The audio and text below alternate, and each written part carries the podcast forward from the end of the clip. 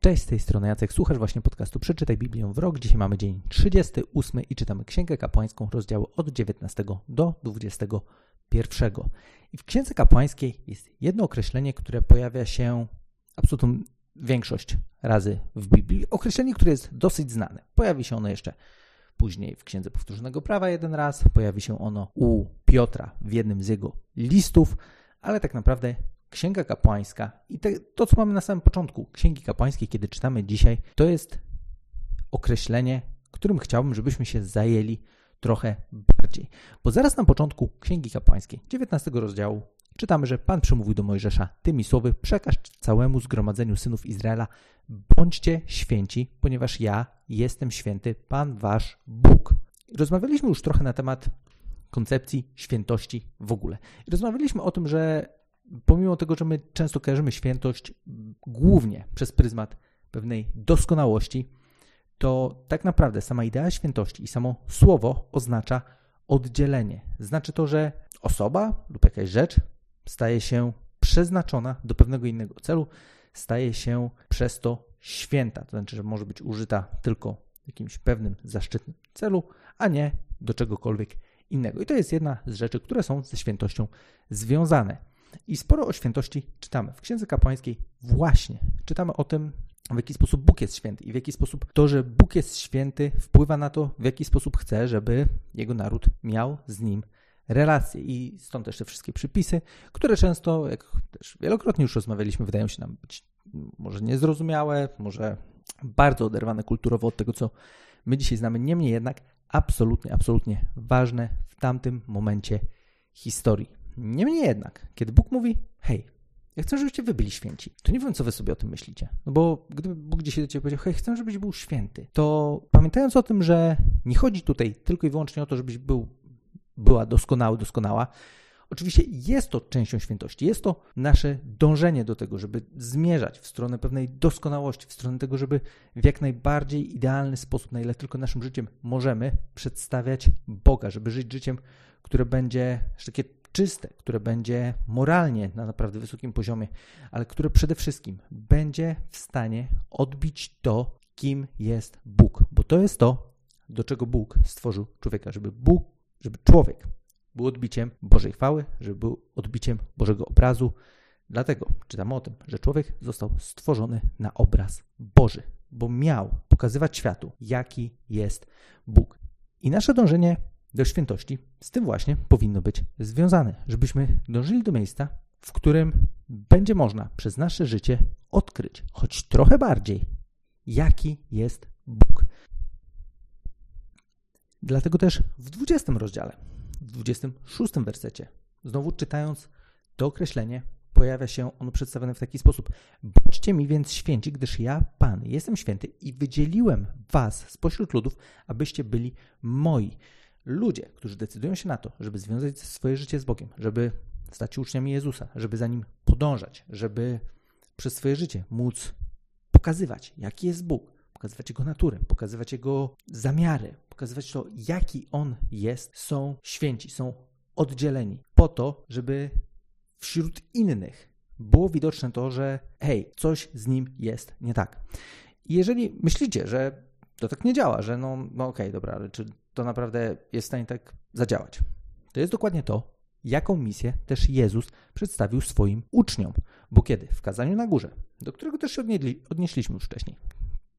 Jezus mówi o tym, jakie prawa rządzą Jego królestwem, to zanim jeszcze te prawa powie, zaraz po tak zwanych ośmiu błogosławieństwach, Jezus mówi do swoich uczniów, Wy jesteście solą ziemi. Gdyby sól zwietrzała, nikt smaku by jej nie przywracał, byłaby nieprzydatna w sam raz do wyrzucenia i podeptania przez ludzi.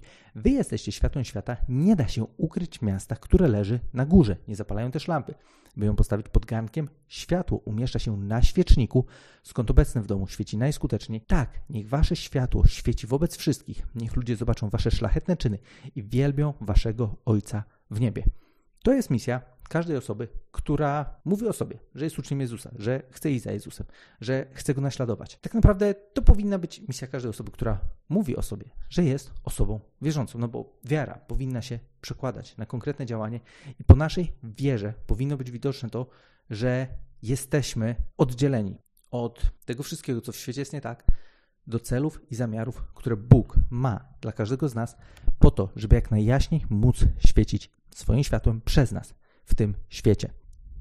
I często chrześcijanie, w chrześcijaństwie jest jakiś taki koncept pewnej pokory, która ma rzekomo sprawić, że no, żebyśmy się nie rzucali za bardzo w oczy, żebyśmy, wiecie, w cichości i uniżeniu, gdzieś schowani i niewidoczni, żyli swoim spokojnym życiem. E, to nie jest w ogóle to, o czym Jezus tutaj mówi, no bo wręcz mówi, wy jesteście światłem świata i nie da się ukryć miasta, które leży na górze. Nie zapalają też lampy, by ją postawić pod garnkiem. Kiedy w twoim życiu zaczyna świecić Boże światło, kiedy podejmujesz decyzję, że chcesz iść za Jezusem i naprawdę doświadczasz przemiany swojego życia, to tego światła nie da się od tak ukryć, bo światło umieszcza się, tak jak Jezus dalej mówi, na świeczniku, skąd obecny w domu świeci najskuteczniej. Tak, niech i wasze światło świeci wobec wszystkich. Niech ludzie zobaczą wasze szlachetne czyny i wielbią waszego Ojca w niebie. Ludzie powinni w naszym życiu widzieć to, że jesteśmy inni. Mam tu na myśli osoby, które podejmują decyzję, że chcą iść za Jezusem. Jezusem. To powinno być w naszym życiu absolutnie widoczne. Jeżeli myślicie, że to tak nie działa, że ktoś spojrzy na Twoje życie i cokolwiek sobie pomyśli, to ja jestem przykładem tego, że to dokładnie tak działa. Bo kiedy będąc na pierwszym roku studiów, mieszkałem z gościem e, ze wspólnoty Mamry z Częstochowy, to patrząc na jego życie, czułem się totalnie potępiony. Bo widziałem, jak on funkcjonuje w relacji ze swoją dziewczyną, on obecnie już żoną zresztą i ma jeszcze fajną gromadkę dzieci. Wtedy patrząc na ich relacje, myślałem sobie, matko, jak oni żyją.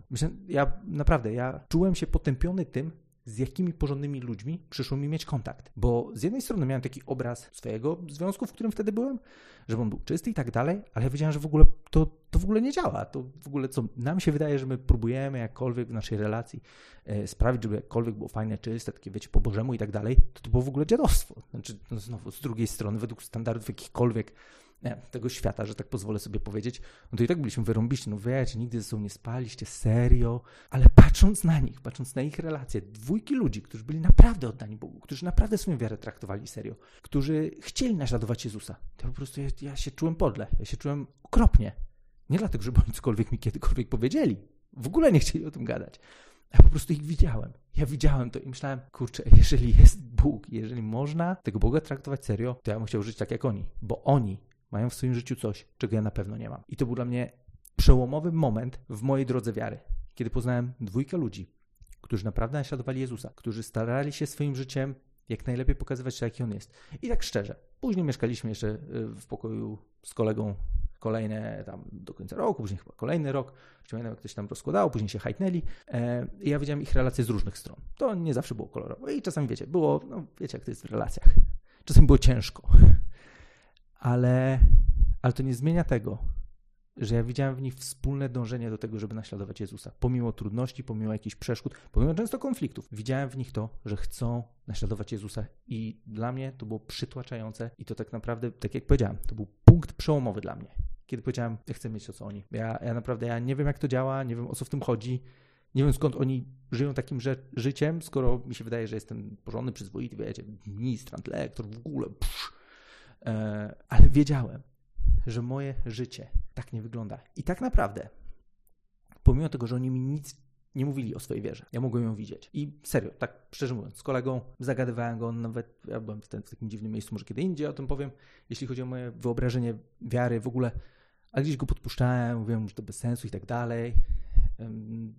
On w ogóle nawet ze mną nie chciał gadać za bardzo. I to jest niesamowite, że czasami jesteśmy w stanie spojrzeć na ludzi, którzy serio traktują swoją wiarę i widzimy w nich coś innego. Widzimy to, że, że hej, jeżeli można siebie nazwać wierzącym, to powinno się żyć w sposób, który będzie wyjątkowy, który będzie wskazywał na Boga, wskazywał na Jego osobę i na to, w jaki sposób On może przemienić nasze życie. To jest coś, co jest misją każdego z nas, bo jeżeli żyjesz w świecie, który dzisiaj ci się nie podoba, który masz poczucie, że nie może jest zepsuty, jest zły, jest jakiś, jest tyle zła na świecie, możesz być tą jedną świeczuszką, która postawiona w ciemnym miejscu zacznie świecić światłem, które przyciągnie do siebie innych, które sprawi, że inni spojrzą na nie i powiedzą: Hej, w jego życiu, w jej życiu jest coś, czego ja nie mam i też chciałem to mieć. I wiem, być może wy to słyszeliście w życiu, że takie stwierdzenie i myślicie sobie, że no, ale to tak nie działa. W moim życiu to zadziałało autentycznie. To jest coś, co było dla mnie punktem przełomowym. Poznanie ludzi, w których życiu widziałem światło.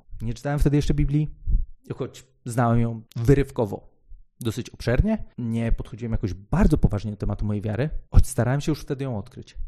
I poznanie ludzi, którzy żyli autentyczną wiarą, było dla mnie czymś, co sprawiło, że ja chciałem mieć, mieć to samo, co oni mają, bo oni żyli kompletnie innym życiem niż ja żyłem. Pomimo tego, że nigdy mi, tak, mi tego nie powiedzieli, nigdy nie czułem się jakoś potępiony przez nich w jakikolwiek sposób, a po prostu ich widziałem i widziałem pewną, pewne staranie dążenia do doskonałości. Tutaj konkretnie chodziło o ich relacje między sobą, które później zresztą zaowocowała małżeństwem i gromadką dzieci.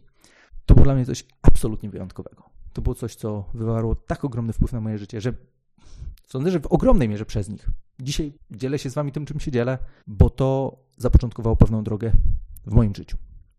Mam nadzieję, że każdy z nas, kto dzisiaj tego słucha, doświadczy tego samego i będzie mógł być światłem dla tego świata, które tak dramatycznie, który tak dramatycznie potrzebuje dzisiaj trochę, trochę nadziei, trochę więcej nadziei. Pomimo tego, że wygląda jak wygląda, że dzieją się rzeczy, jakie się dzieją, że często po prostu ciężko przez te wszystkie negatywne informacje przebić się jakimkolwiek pozytywnym rzeczom.